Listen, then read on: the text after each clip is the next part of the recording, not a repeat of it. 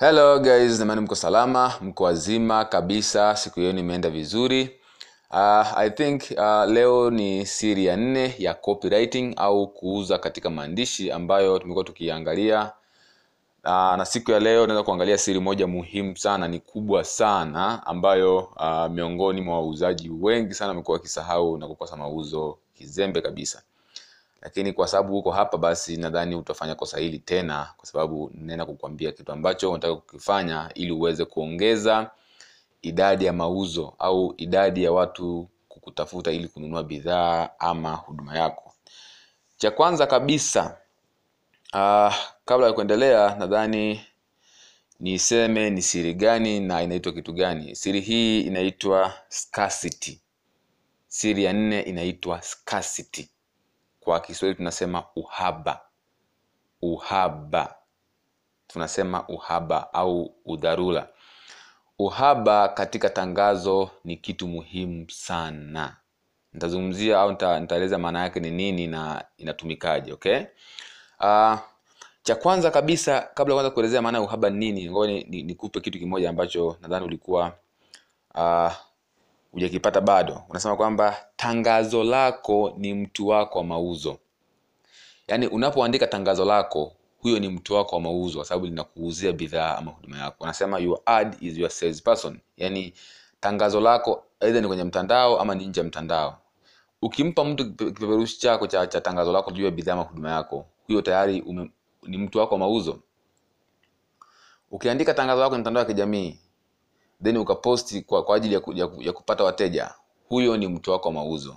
Kwa hiyo anakuuzia bidhaa ama huduma yako. Hiyo inategemea huyo mtu wako mauzo ana ujuzi kiasi gani wa kumfanya huyo mtu auze bidhaa ama asiuze. Kwa hiyo ukiona tangazo lako alijauza alijauza uh, bidhaa ama huduma yako basi ujua mtu wako mauzo haipo sahihi.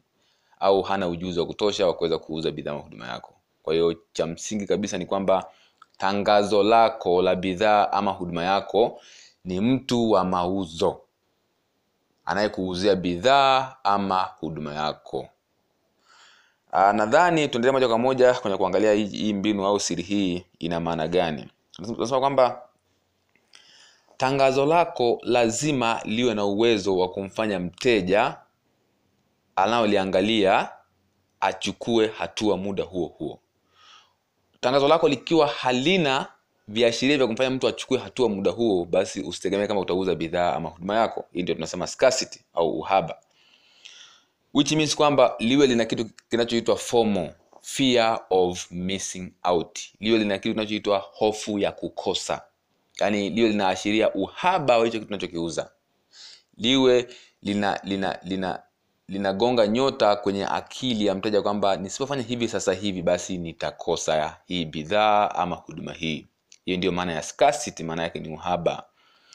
Kwa hiyo hakikisha tangazo lako lolote lile haijalishi ume, ume, ume, umeandika umeandaa video labda unaongea kwa, kwa njia ya video au ni njia ya maandishi kwenye mtandao ama nje ya mtandao kwenye peperushi basi hakikisha lio linaashiria uhaba wa hicho unachokiuza ili mteja anapoangalia tu tangazo ajishawishi au jiconvince kwamba nisipoenda kununua sasa hivi au nisipomtafuta mtu huyu sasa hivi basi nitakosa kitu hiki au nitakosa vitu hivi na hivi na hivi. Okay? Nadhani hii mbinu sio ngeni sana lakini ni siri ya nne mm, katika copywriting au katika kuuza katika maandishi. Tangazo ambalo halina udharura au halina uhaba wa kumfanya mteja achukue maamuzi muda huo usitegemee kama litauza bidhaa ama huduma kwa sababu gani? Kwa sababu mtu akisema nitakutafuta baadaye au nitamtafuta baadaye huyo mtu hata kutafuta tena. Kwa sababu kwa siku binadamu anakutana matangazo zaidi ya mia mbili na sitini na saba kwa sasa hivi. Atakumbuka tangazo lako? Awezi akakumbuka kwa hiyo ni kitu ambacho ni cha muhimu sana kwa sasa hivi kwa sababu mtu tangu anapoamka asubuhi anakutana na matangazo mengi sana mpaka atakapolala usiku zaidi ya mia mbili na sitini na saba.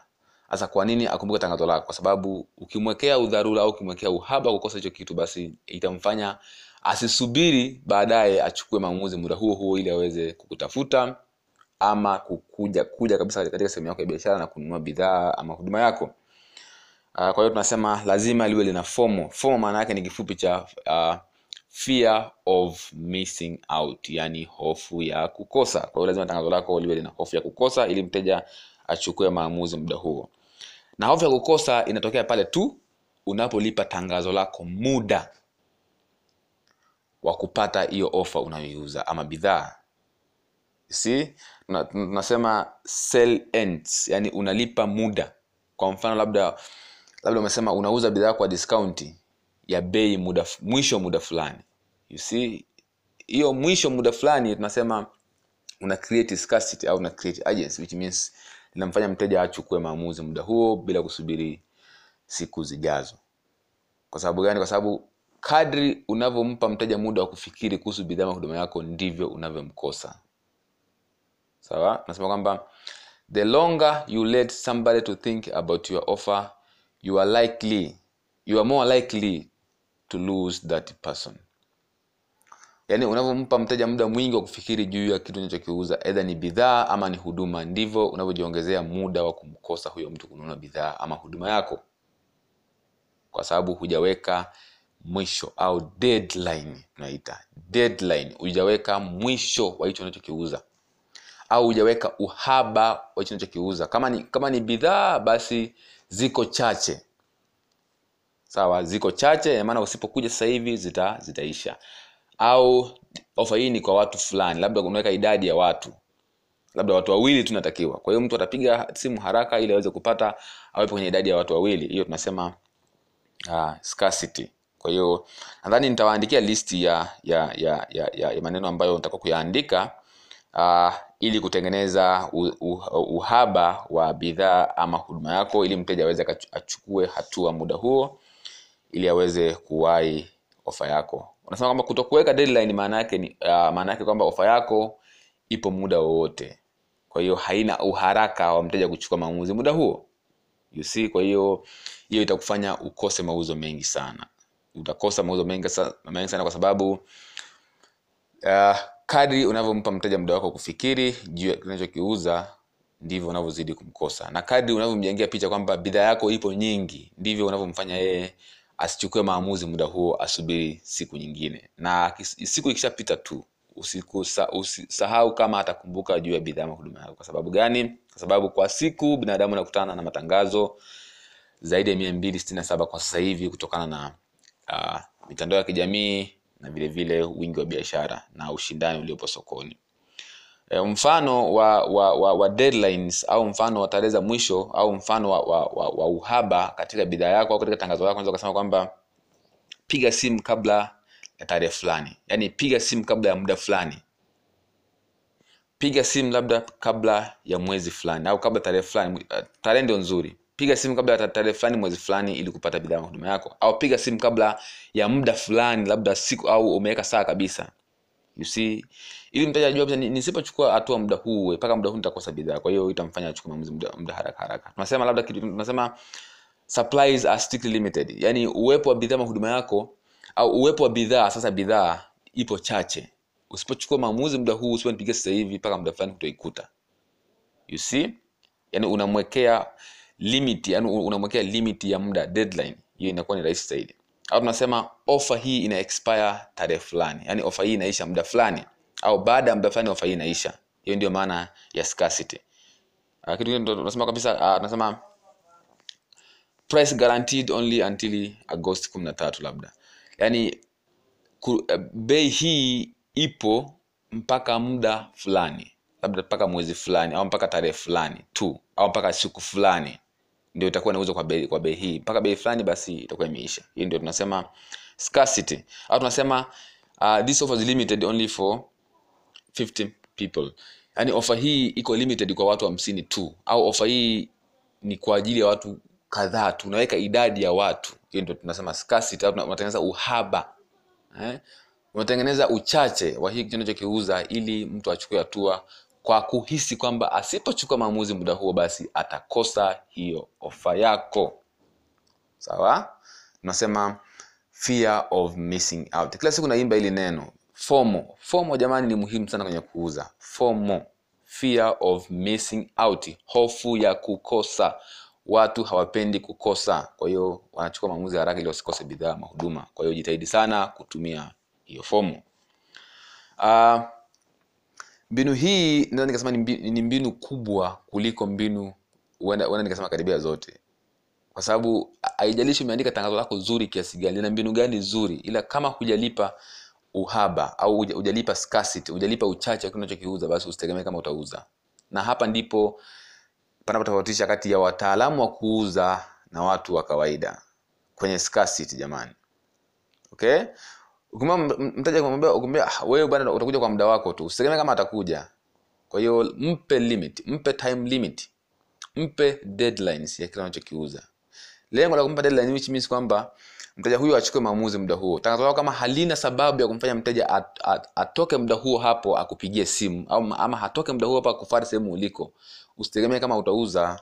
Kwa sababu gani? Kwa sababu mteja anakutana na matangazo mengi kila siku na kuna bidhaa nyingi kama za kwako. Kwa nini akufuate wewe si ina maana kama mnauza bidhaa mbili zinazofanana mtu atakayetoa deadline ndio atakayeuza. Na deadlines maana yake ni kwamba upo serious na unachokiuza tunasema. Kwa hiyo jitahidi kutumia mbinu hii itakusaidia sana. Hii ndio mbinu muhimu kuliko zote I'm telling you. And I have tested it and it works. Okay? Yani nimejaribu na inafanya kazi. Na ndio maana ikazia mara nyingi kwa sababu ni mbinu muhimu sana katika kuuza. I'm telling you katika siri moja kubwa ya kuuza chochote duniani scarcity ni moja wapo ipo kwenye top 3 yani ipo kwenye sehemu ya kubwa tatu duniani. Kwa hiyo ni muhimu sana uijue mbinu hii. Na itakusaidia sana kuuza bidhaa kwa- haijalishi umeandika kwenye maandishi ama kwenye njia ya mdomo ya kawaida unaongea na mteja kawaida itakusaidia sana hii. Okay? Scarcity ni muhimu sana. Uhaba na uchache ni muhimu sana katika bidhaa ama huduma yako kwa kuweka deadline mwisho wa ofa yako kuisha au mwisho wa hiyo ofa ulio- uliompa mteja wako inaisha lini au kwa kuweka idadi ya watu ambao watapata ofa kwa hiyo weka time limit deadline kwenye mauzo yako yatakusaidia sana kuongeza idadi ya kuuza. Kwa hiyo kama utakuwa na swali basi mtauliza lakini hii ni muhimu sana.